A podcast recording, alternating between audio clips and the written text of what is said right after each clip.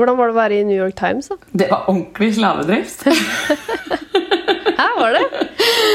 ja, eh, det var i Paris. eh, Da, for 400 euro i, i måneden så jobbet jeg veldig mange timer i døgnet. Det var ganske sånn slitsomt og litt sånn pussig stemning på, på det salgskontoret, må jeg innrømme å si.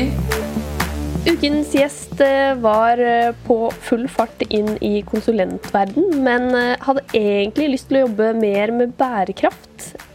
Etter et eh, gründerprosjekt så fikk hun et tilbud eh, hun ikke kunne si nei til.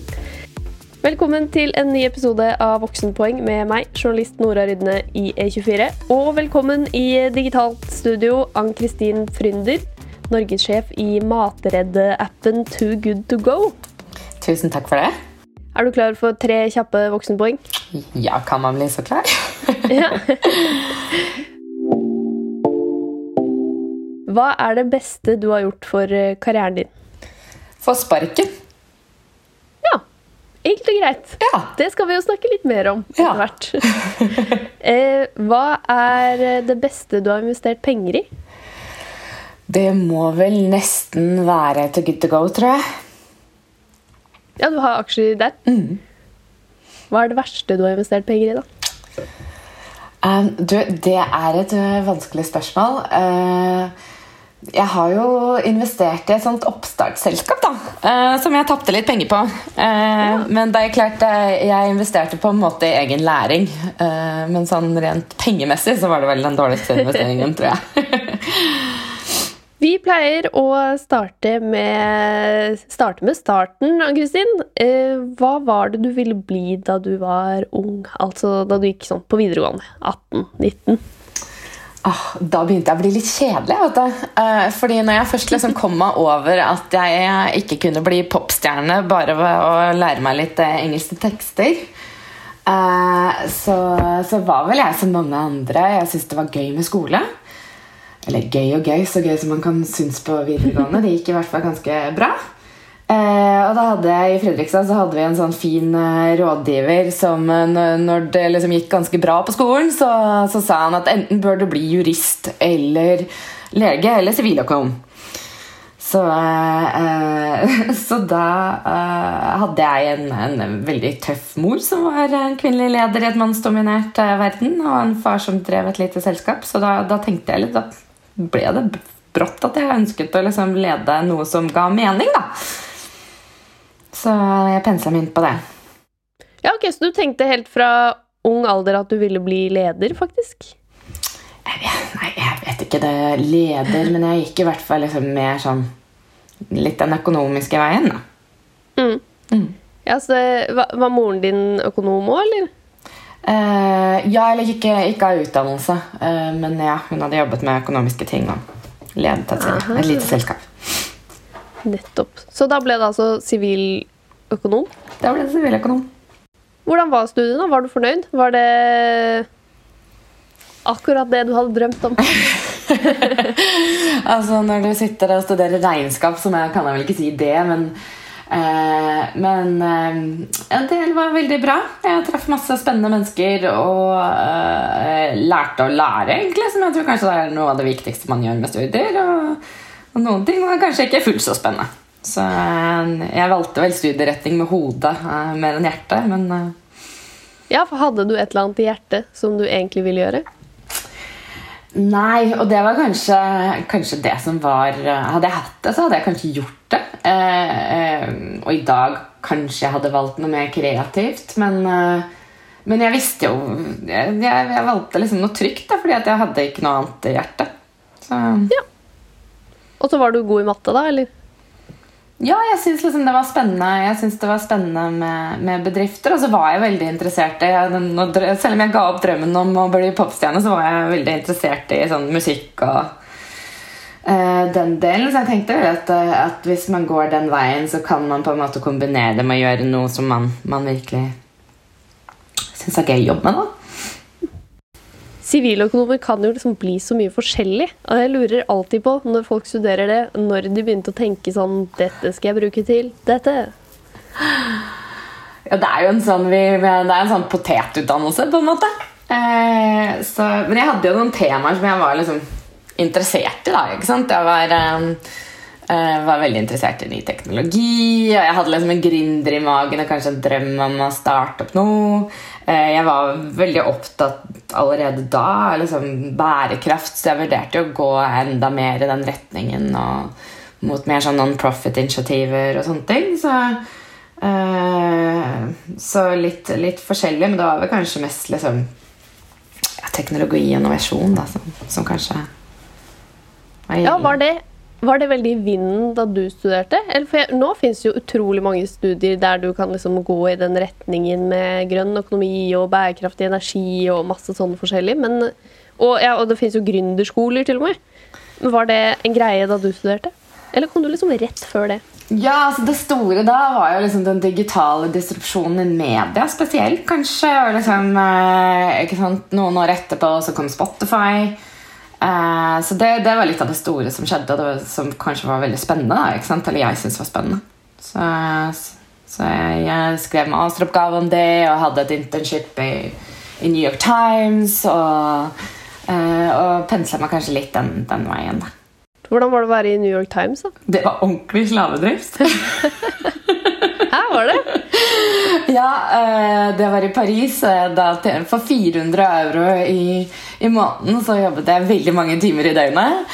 Eh, men det som var veldig gøy, var at vi, vi, vi hadde kontakt med egentlig alle redaktørene rundt de største europeiske avisene. Og så satt vi på rettighetene, ikke bare fra New York Times, men fra International Herald Tribune, da, fra Le Monde, Der Spiegel.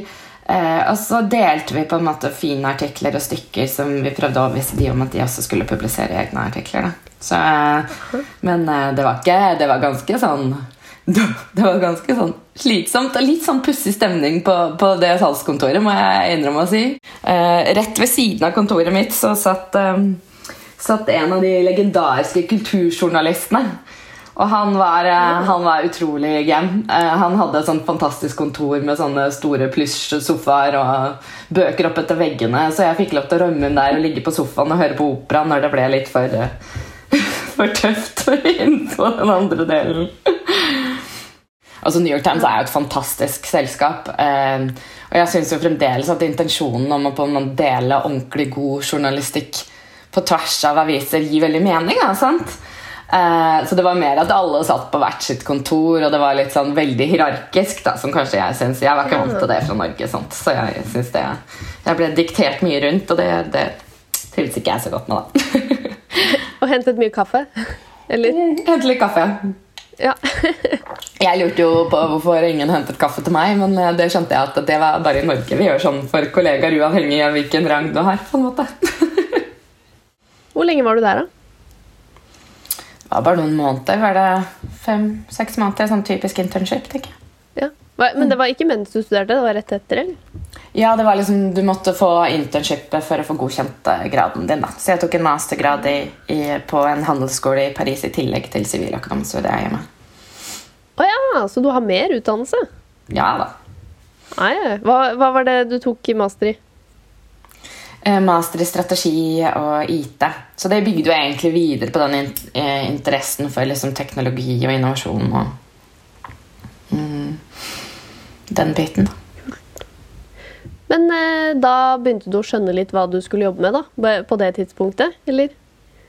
Altså, det har jo alltid gitt mening. Eh, så jeg har jo liksom hatt noen temaer som, eh, som har gått igjen. Eh, men det var nok det som gjorde at jeg beveget meg inn i konsulent bransjen. Fordi da hadde jeg mulighet til å jobbe videre med en del av de tingene. Uh, og det kommer vi sikkert tilbake til, men det var jo også Jeg må jo ærlig innrømme at det var også liksom, det var, Da var det noen spor alle gikk, og jeg valgte en av de sporene der fordi det ga mening der og da. Men det du gjorde som ikke var så klassisk, var jo at du ikke gikk rett inn som eh, sånn juniorkonsulent i et stort eh, konsulentfirma. Hva, hva, gjorde du rett etter eh, studiene? Nei, Jeg hadde liksom hatt en sånn, jeg hadde hatt, uh, hatt, lyst til å jobbe frivillig, så jeg ble kjent i Paris. Så ble jeg kjent med, med en, en, en kamerat som bodde i Delhi. Uh, så han satte meg opp så så jeg kunne jobbe frivillig for en sosial entreprenør i Delhi. Så der var jeg noen måneder og hjalp de. da. Hva, hva drev de med?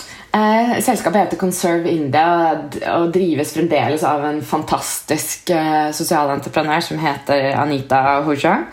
Eh, og hun hadde funnet eller de hadde funnet en, hel, hadde funnet en veldig interessant modell, syns jeg. I hvert fall. I India, de fattigste av de fattigste, de bor i slummen på søppelberg. Og de lever av å plukke søppel. Den søpla de ikke plukker, det er plastikk. Som er et kjempemiljøproblem. Så hun eh, ansatte de eh, og betalte de da sant, noe de kunne leve av for å plukke den plastikken. Eh, som de gjorde om, resirkulerte og gjorde om til produkter som de solgte til, til, til Vesten, egentlig.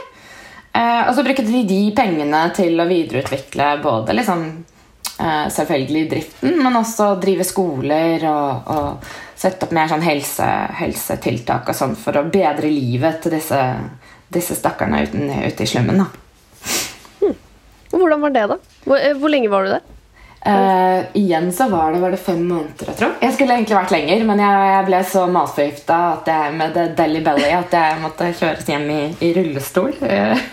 Oi! uh, så jeg skulle vært litt lenger, men fem måneder er, er, er ganske god med tid uh, allikevel. Eh, så, så, det er klart det var en enorm kontrast. Da. Jeg, hjalp, jeg kommer fra en forretningsbakgrunn, så jeg hjalp dem med å legge vekststrategi og, og, litt hvordan de kunne få opp volumet. Fordi det er det det handler om. til mer mer de, mer de plukker søppelplastikk, til mer um, bedre gjør de for miljøet, og til bedre, mer flere mennesker kan hjelpe. Så jeg hjalp dem med det. Men det er jo klart at så på den ene siden så var jeg ute med journalister og og traff liksom forretningspartnere. På den andre siden så var man rundt i, i, dette søppelberget av en slum. Uh, og så nakne barn som løp rundt på, på, på de bergene der. Det var, det, det var også ganske, ganske tøft. Men hva ga det oppholdet deg av liksom retning inn mot karrieren? Det ga meg nok, det ga meg nok flere ting. Uh, uh, Eh, for det første så lærte jeg veldig mye verdier av Anita. F.eks. at uh, at uh, man, man, kan kanskje ikke begynne, begynne, fra et sånt perfekt bilde av hvordan verden skal være, men at man må jobbe med aktører. For eksempel, vi begynte å jobbe med en aktør i en annen slum som hadde helt forferdelige vilkår, for å bedre dem.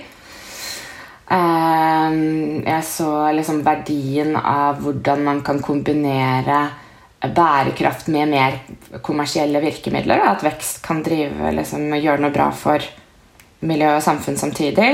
Og kanskje aller viktigst så tror jeg liksom det penslet meg litt inn på at istedenfor å gå videre i en sånn non-profit-verden, så, uh, så hadde jeg lyst til å jobbe mer mot de store aktørene Eh, og heller drive positiv endring innenfra, da, sant? eller med de. Fordi at det er det uh, som vil ha en størst påvirkning. Uh, var min refleksjon, da. Så når du satt i rullestolen med Deli Belly på vei hjem, hva, hva tenkte du da var liksom neste steg?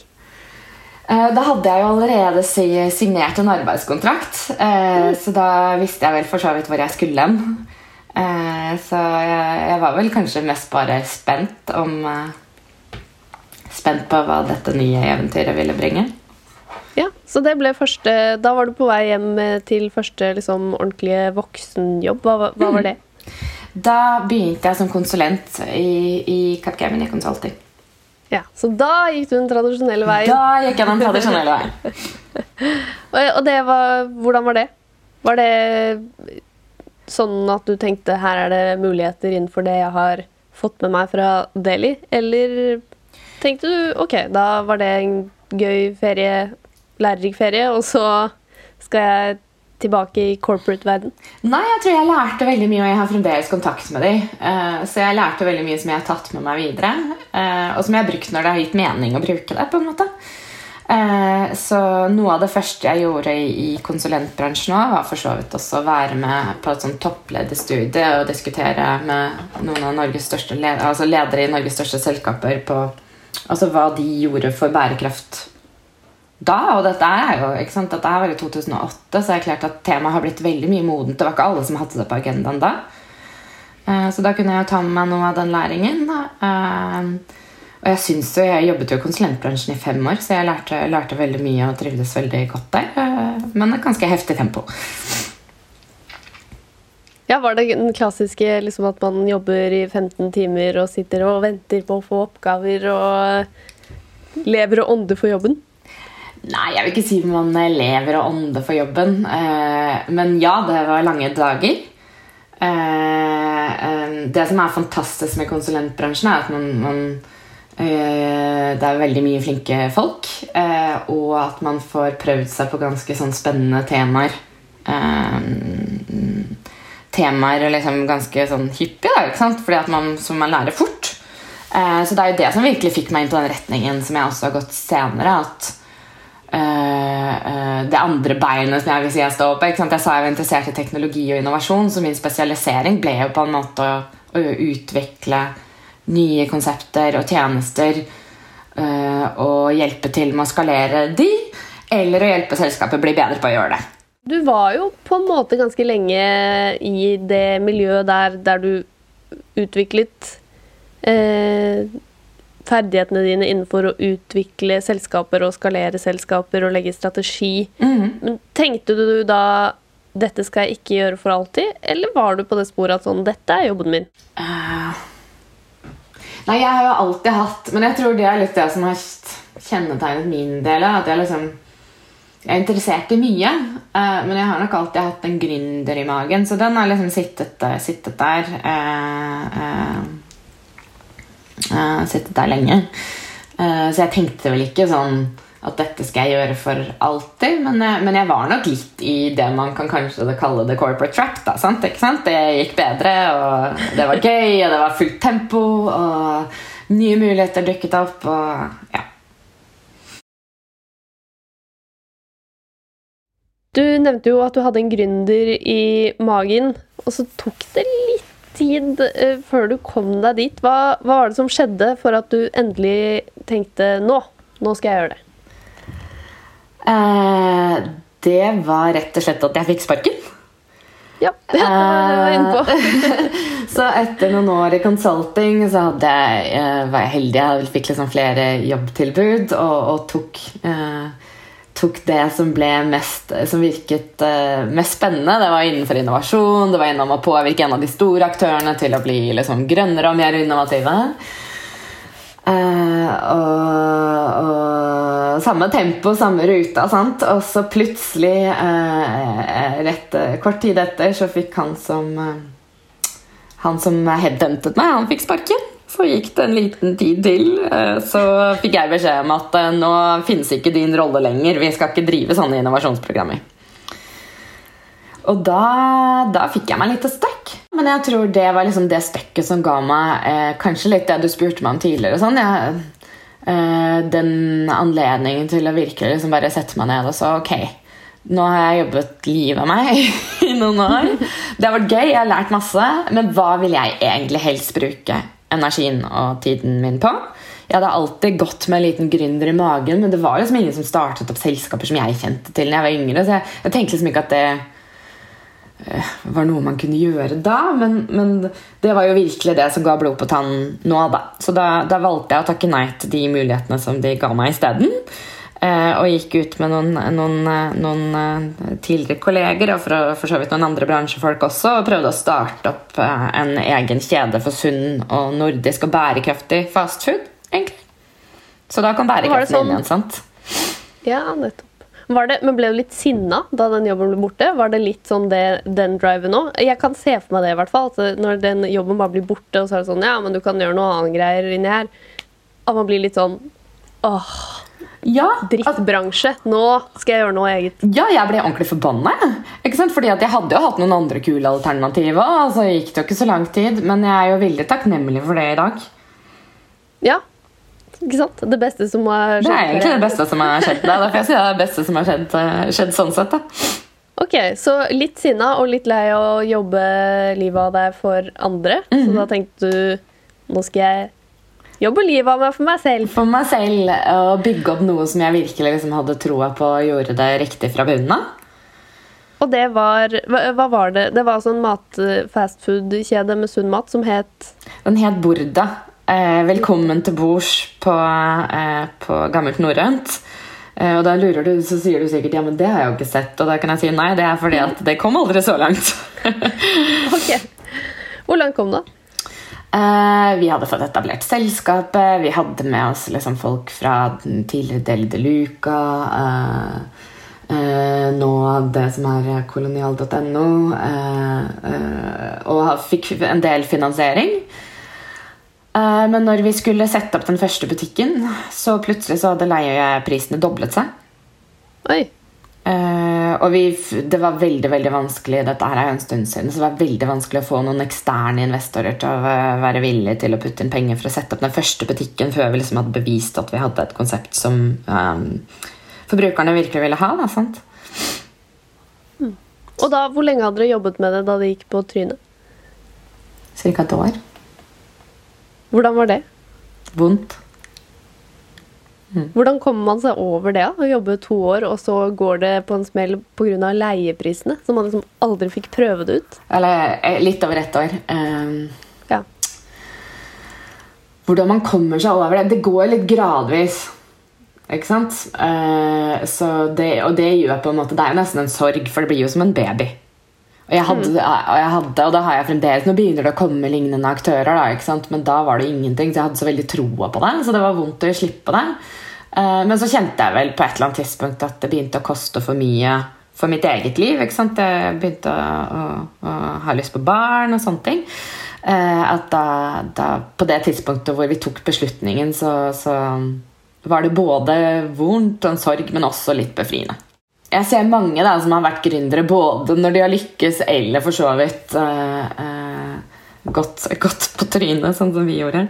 Så, så du, du trenger en periode hvor, hvor ting er litt mer forutsigbart, kanskje. Uh, litt roligere. Eh, så så da, da gikk jeg videre tilbake i The Corporate Trap. Eh, men, eh, men eh, til et selskap som, som, mye, som, som passet veldig godt med mine verdier. Og jeg fikk for så vidt lov til å være intraprenør. ikke sant? Altså Jobbe som gründer, men innenfor visse rammer.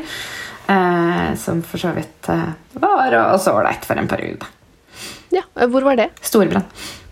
Storbrann, ja. Nettopp. For da, der jobbet du med jeg gjorde litt forskjellige ting, men det siste jeg gjorde før, før jeg gikk ut, var egentlig å, å lede utviklingen av en ny, eh, en ny tjeneste, da. Som eh, nå etter hvert eh, har skalert opp ganske bra.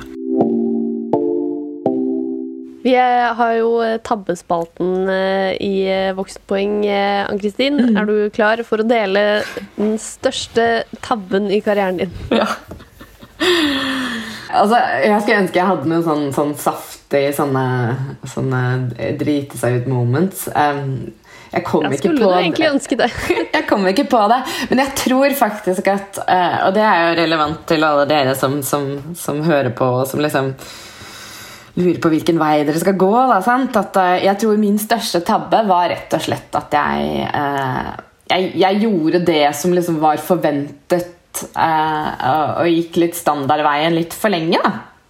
Eh, The Corporate Trap en liten stund hadde sikkert vært fint, for man lærer veldig mye. Eh, men jeg tror nok jeg hadde på en måte gått litt inn på det gründersporet tidligere. eh, og, og jobbet mer med ting som satt hjertet mitt nærmere. hvis jeg skulle gjort det igjen. Så rett og slett litt for feig? Ja, ja, ja faktisk. Eller litt for komfortabel? Jeg skjønner jo at det er deilig å ha en fast inntekt og Ja. Og, og som sagt at uh, det er jo noe med det. Det er jo som, som når jeg fikk, fikk sparken, som jeg sier, så, som tvinger en til refleksjon. Da, ikke sant? At hvis man har et høyt tempo, så er det kanskje ikke alltid så lett å sette, tvinge seg selv til å ta, ta tid til å liksom virkelig gå i dybden på seg selv og hva som gir en energi. Mm.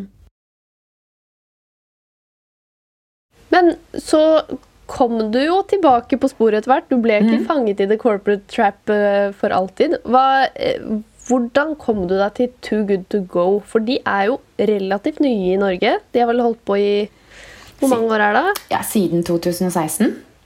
Ja, jeg husker veldig godt at de kom, for da var jeg student. Så Ja. det var nydelig. Jo, Eh, takk for for å forklare raskt, så er jo Too Good To Go en sånn app der restauranten kan melde seg på, og så gir de, eller selger de eh, de reste, eh, ja, restematen de har, ganske billig. Så sykt deilig som student.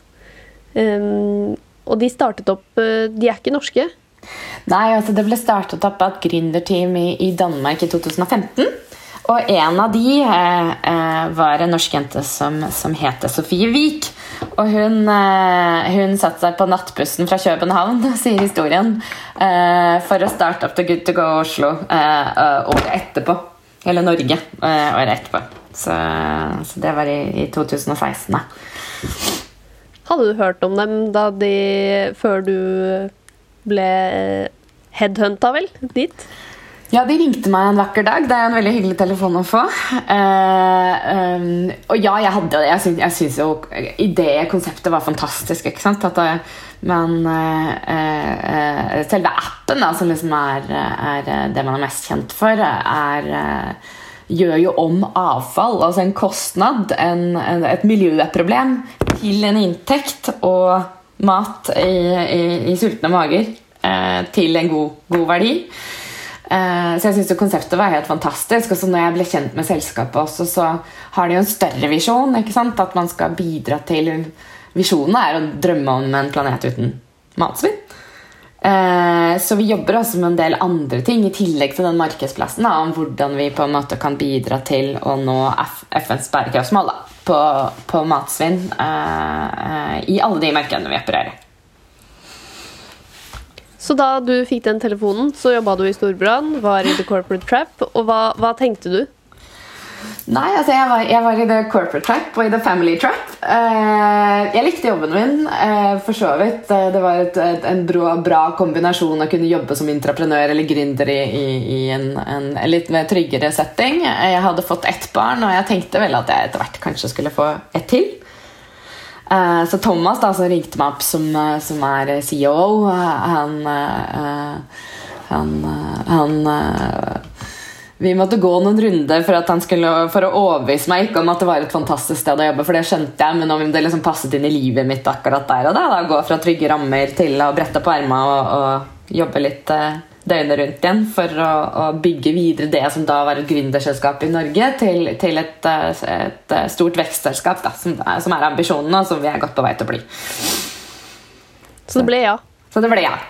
Eh, det ble ja, og, og jeg tror for meg altså, Hovedgrunnen var jo nettopp det vi snakket om litt i stad. For meg så var det sånn eh, For det første så var det en større mening med å bidra til å løse eh, Løse kanskje en av verdens eh, store miljøproblem med en faktisk løsning. Eh, med en eh, teknologisk innovasjon som lå liksom klar til å skaleres. Eh, og innenfor et område som jeg jo hadde jobbet med før. og som Jeg er jeg elsker mat. Det gir ingen mening å drive og kaste så mye mat som det vi gjør i Norge da. Så det var liksom Kinderegget, da. Så jeg kunne ikke si nei til det, og jeg har aldri sett meg tilbake. Jeg elsker å gå på jobb hver eneste dag. Jeg lurer på en ting. Du har jo blitt mye headhunta, da. Opp igjennom. Fra ganske tidlig, egentlig. Hvordan gjør man det sånn at man på en måte blir veldig synlig som en av de mest kompetente på et eller annet felt? Jeg har vært litt heldig. Um, og så har jeg nok tidlig vært, vært heldig for at jeg har fått spisse litt kompetansen min. Ikke sant? Så, så, um, så det å tidlig liksom få muligheten til å jobbe på tvers av mange forskjellige bransjer om hvordan man liksom utvikler, får konsepter til å sitte for å skalere de, uh, og, og rigge det for vekst. Da, uh, da får man en litt sånn spisskompetanse, og det tror jeg liksom når man finner en spisskompetanse som man elsker å jobbe med, eh, så, eh, så, så, tror jeg det er et veldig godt utgangspunkt. Da. Og trives man, så, så, blir det gjerne synlig for andre, og man blir gjerne kanskje litt flink på det. Eh, og når det gjelder synligheten, så jeg har aldri, Det er vel kanskje en av de områdene jeg, jeg har vært bevisst på. Jeg, jeg, har liksom aldri vært så veldig opptatt av å være så veldig synlig. Eh, men jeg er veldig glad i mennesker. Ja, så tipsene er rett og slett å være omgjengelig og liksom en bra, en bra person å jobbe med, men også prøve å spisse seg inn på noe man finner interessant litt tidlig. Ja, og som man kan bli ordentlig, ordentlig flink på. Har du noen tips til andre som vil gå litt samme vei som deg og jobbe med bærekraft? Jeg tror det er et godt råd å bare liksom finne noe du blir ordentlig flink på. Og så prøve å bake, lære deg mye om bærekraft og liksom miljø. Og, eh, og kunne en del om det, sånn at du kan bake det inn i alt du jobber med. Bærekraft er ikke bare et sånt spisst tema. Vi må alle, alle selskaper må på en måte ta et ansvar for den verden og det miljøet vi opererer i, for å bevege det i riktig retning. Hvem vil dere ha da i Too Good To Go?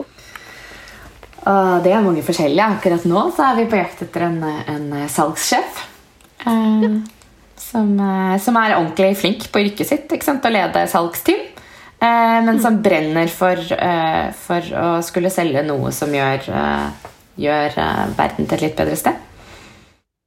Vi var jo litt inne på det helt fra begynnelsen av. at du på en måte hadde en viss tanke om at du kanskje kunne passe til å lede. Men når var det du fant ut det? For du hadde jo vært leder før du kom til Too Good To Go. Ja da.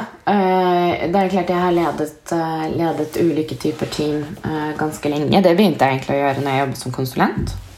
Lede prosjektteam. Mm. Og jeg trivdes veldig godt med det. Jeg fant ut at jeg, jeg var god på å holde overblikket. Uh, og kanskje litt mindre på å grave meg ned i detaljene. Så da var det veldig fint å ha komplementære teammedlemmer som kunne ta ansvar for ulike områder. Uh, og trivdes veldig godt med å liksom drive team uh, som felles skaper i, i, en, i, en, retning mot en visjon som felles skaper noe, noe nytt og spennende. Du, hva, hva er lederstilen? Og hvordan utvikla du den? Uh, den fortsetter jeg å utvikle hver dag. Uh, uh, det er jo klart Et team på ti kontra noen og 30 som vi er i dag, er jo, krever også en ulik lederstil.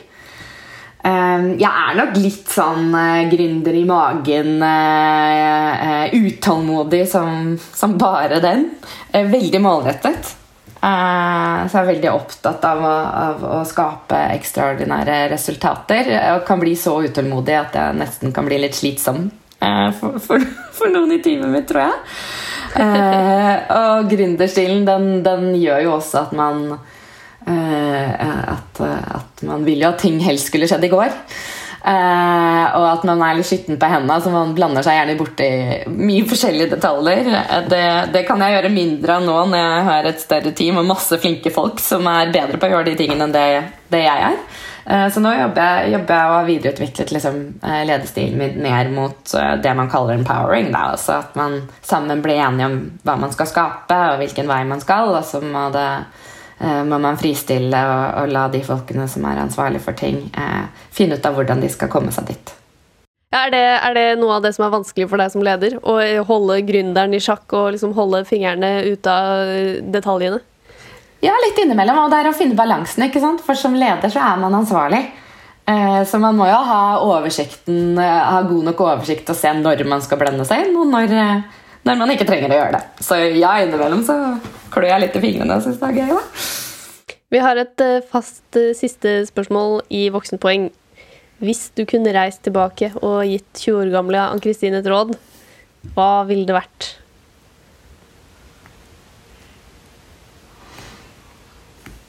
I fare for å gjenta meg selv, eh, så hadde det vel kanskje vært å realisere den gründeren i magen. Når du er ung, så kan du gjøre det. Du har ikke lån, du har ikke barn du skal passe på. Du har liksom bare deg selv og uh, et godt uh, sosialt nettverk i Norge. Start det selskapet.